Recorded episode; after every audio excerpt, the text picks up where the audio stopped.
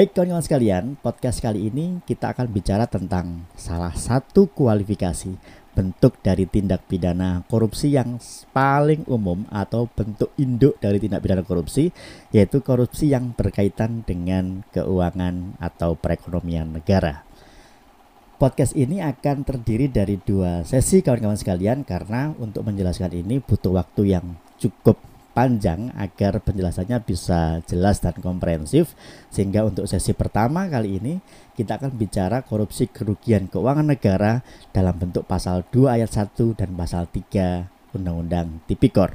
Untuk sesi keduanya kita akan membahas tentang satu bentuk tertentu bentuk khusus dari korupsi dengan keuangan negara yang dapat diancam dengan pidana mati kawan-kawan sekalian. Bentuk-bentuk tindak pidana korupsi menurut buku Saku dari Pedoman Komisi Pemberantasan Korupsi dikenal ada tujuh kelompok bentuk dari tindak pidana korupsi. Dari tujuh itu kemudian dibagi ke dalam 30 kualifikasi tindak pidana korupsi. Apa saja tujuh kelompok tersebut? Yang pertama adalah korupsi terkait dengan kerugian keuangan negara atau perekonomian negara. Yang kedua adalah korupsi terkait dengan suap.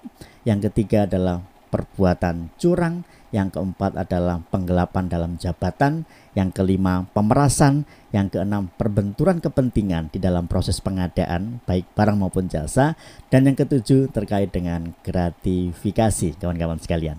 Nah, di dalam podcast kali ini kita hanya membahas satu topik saja. Yang pertama yaitu kelompok korupsi dengan atau terkait dengan kerugian keuangan negara atau perekonomian negara. Di dalam kualifikasi kelompok pertama ini ada tiga bentuk korupsi. Yang pertama dan ketiga kita bahas dalam sesi pertama. Untuk sesi kedua kita membahas bentuk yang kedua. Loh kok kenapa dilewati? Kenapa tidak dibahas sekaligus? Karena untuk bentuk keduanya itu bisa kita bahas di terakhir, tapi bentuk pertama dan ketiga ini harus kita sandingkan side by side supaya kita bisa paham betul perbedaan di antara keduanya. Karena dalam praktiknya susah sekali untuk kita bedakan apa makna pasal 2 dan apa makna pasal 2 ayat 1 dan apa makna pasal 3 dalam undang-undang tindak pidana korupsi korupsi. Di dalam Undang-Undang Tindak Pidana Korupsi, baik menurut Undang-Undang Nomor 3 Tahun 71 yang sudah tidak berlaku lagi, dicabut dengan Undang-Undang Nomor 31 Tahun 99 tentang tindak pidana korupsi dan diubah dengan Undang-Undang Nomor 20 Tahun 2001, bentuk pendasar atau bentuk induk dari korupsi di Indonesia adalah terkait dengan korupsi dengan keuangan negara atau perekonomian negara. Padahal kalau kita lihat di konvensi anti korupsi tahun 2003, eh, undang-undang korupsi di beberapa negara juga, baik di Asia maupun di negara lain, bentuk induk dari korupsi adalah suap.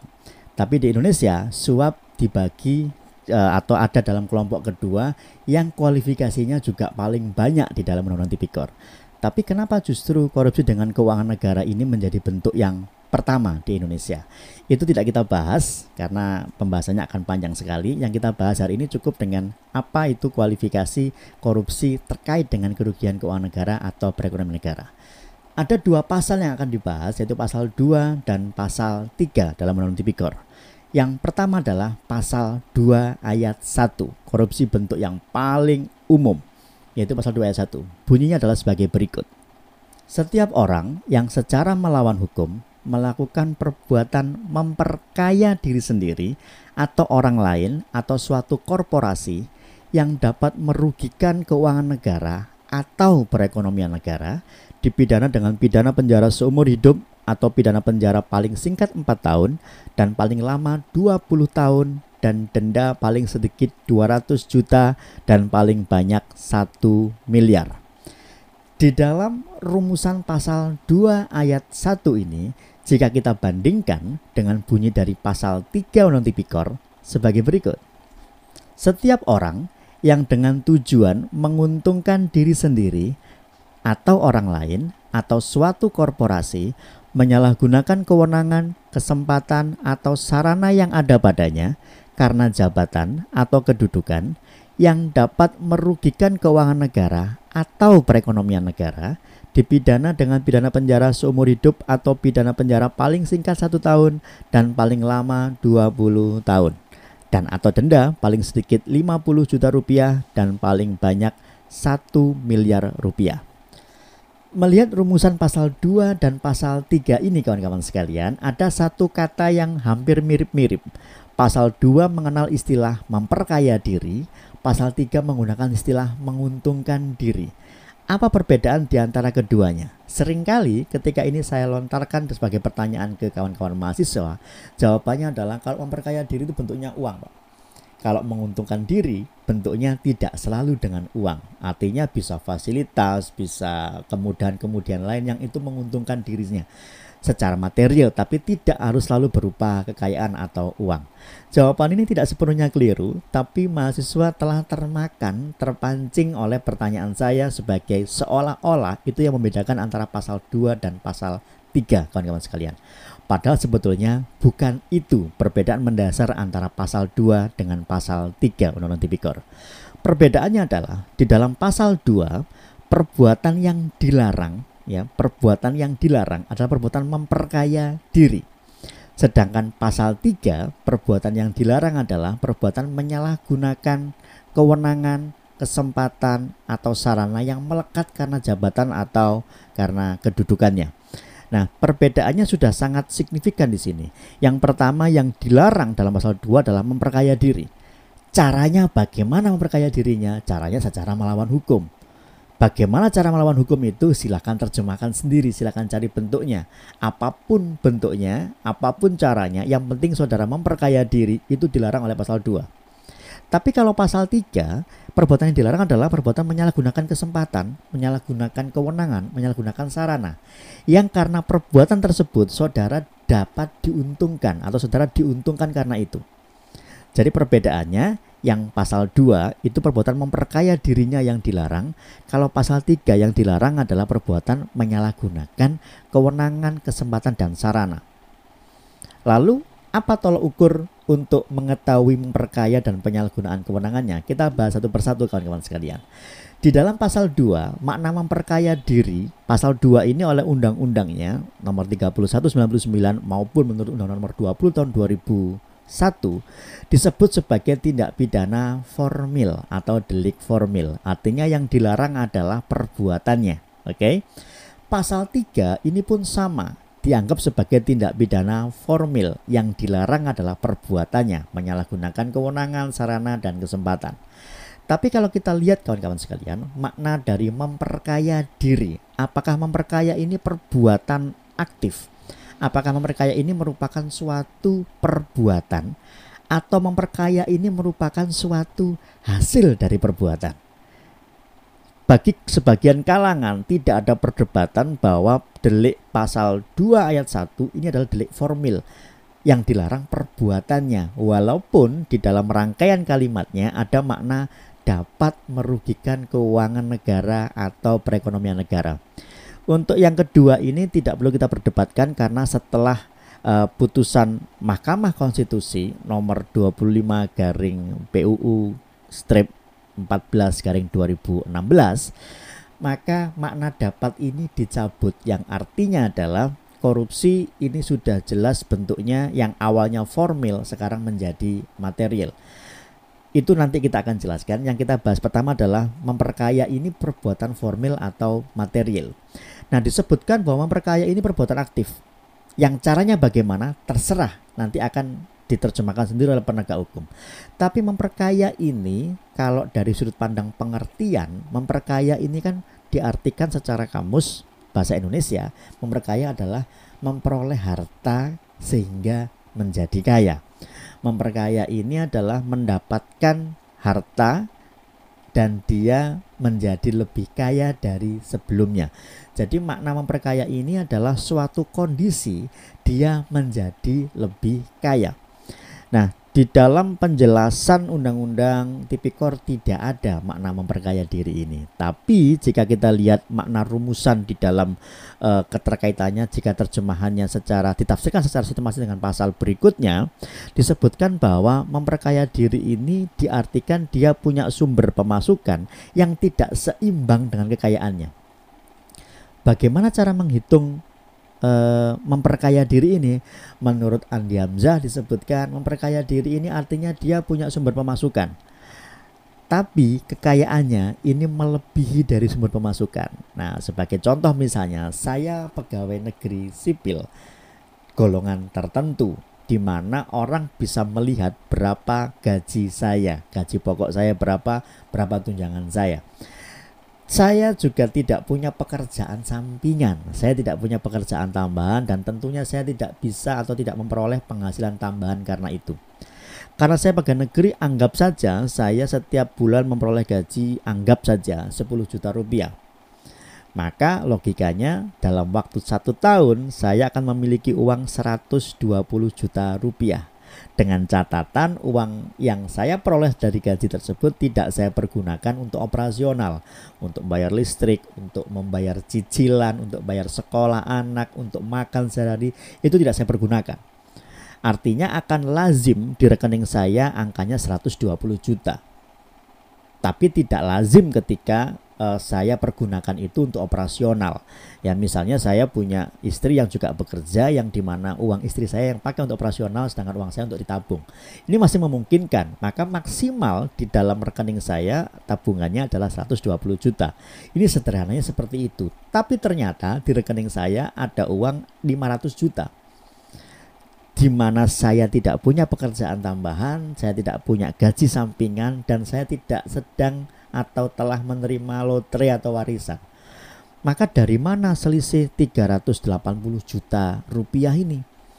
Nah, ketika diketahui ternyata saya melakukan perbuatan-perbuatan tertentu yang ternyata ini dikategorikan sebagai perbuatan melawan hukum yang dampaknya adalah saya memperoleh kekayaan di luar atau lebih tinggi daripada sumber pemasukan saya. Nah, ini akan dapat diduga dikategorikan saya memperkaya diri kawan-kawan sekalian. Maka perbuatan memperkaya diri ini apakah caranya, apakah perbuatan ataukah hasilnya? Beberapa penulis referensi di bidang korupsi mengatakan bahwa memperkaya diri ini sebetulnya bukanlah suatu perbuatan formil murni, tapi ini seolah-olah perbuatannya memperkaya diri, tapi makna memperkaya ini adalah perbuatan hasilnya yang dilihat. Saya melakukan perbuatan melawan hukum, tapi saya tidak lebih kaya setelahnya. Apakah saya dapat dikategorikan memperkaya diri? Saya melakukan perbuatan melawan hukum. Ada kecurangan-kecurangan yang saya lakukan, tapi rekening saya fine-fine saja. Aset saya tidak bertambah, saya tidak punya tambahan penghasilan baik bagi saya maupun orang lain atau korporasi. Maka apakah unsur memperkaya diri ini telah tercapai? Padahal saya tidak lebih kaya dari sebelumnya dan rekening saya normal, artinya tidak ada selisih eh, antara penghasilan saya dengan kekayaan saya. Maka apakah ini masuk unsur memperkaya diri? Ini yang kemudian jadi perdebatan panjang para ahli-ahli hukum kawan-kawan sekalian. Sehingga mana memperkaya diri ini bagi sebagian orang bahkan undang-undang sendiri mengatakan ini adalah perbuatan formil, tapi bagi ahli hukum yang lain mengatakan ini bukan formil murni, bahkan ini cenderung material. Nah, ketika Mahkamah Konstitusi mencabut kata dapat sehingga rumusannya berbunyi bahwa setiap perbuatan memperkaya diri secara melawan hukum harus ada kerugian keuangan negara yang timbul di dalamnya, maka ketika ada klausul, ada kewajiban harus ada kerugian keuangan negara, maka delik ini sudah bergeser dari delik yang dianggap formil menurut undang-undang menjadi delik material secara sepenuhnya. Kenapa demikian? Ketika ada perbuatan memperkaya diri saja, tapi tidak ada dampak atau tidak ada kerugian keuangan negara, maka saya tidak dapat dibuktikan telah melakukan tindak pidana korupsi sebagaimana dimaksud dalam pasal 2. Saya sering kali mencontohkan ini di dalam kelas-kelas yang saya ampu tentang tindak pidana korupsi. Saya ambil suatu contoh misalnya, saya adalah seorang pemegang keuangan. Anggap saja bendahara suatu institusi pemerintah. Uh, ini sekarang tanggal 2 November jatuh pada hari Senin. Tanggal satunya jatuh pada hari Minggu. Gaji pegawai negeri itu ditransfer ke rekening masing-masing pegawai negeri itu biasanya pada tanggal 1 pukul 1 siang. Anggap seperti itu karena tanggal 2-nya ini jatuh pada eh, tanggal 1 jatuh pada hari Minggu sehingga akan ditransfer pada hari Senin tanggal 2-nya. Tapi uang gajinya sudah masuk ke keuangan e, negara. eh, ke, ke bendahara tadi. Seandainya pada hari Senin paginya saya mempergunakan uang gaji tadi untuk saya pakai untuk jual beli saham misalnya di bursa efek. Saya membeli saham pada pagi harinya dalam dalam waktu berapa menit sahamnya saya jual lagi dan sudah meningkat. Misalnya ada gaji 300 miliar di rekening itu saya pergunakan untuk beli saham kemudian saya jual lagi sehingga dalam waktu sekian menit atau sekian jam saya memperoleh keuntungan misalnya 2 miliar karena itu pada siangnya gaji sudah tertransfer ke semua pegawai negeri sipil.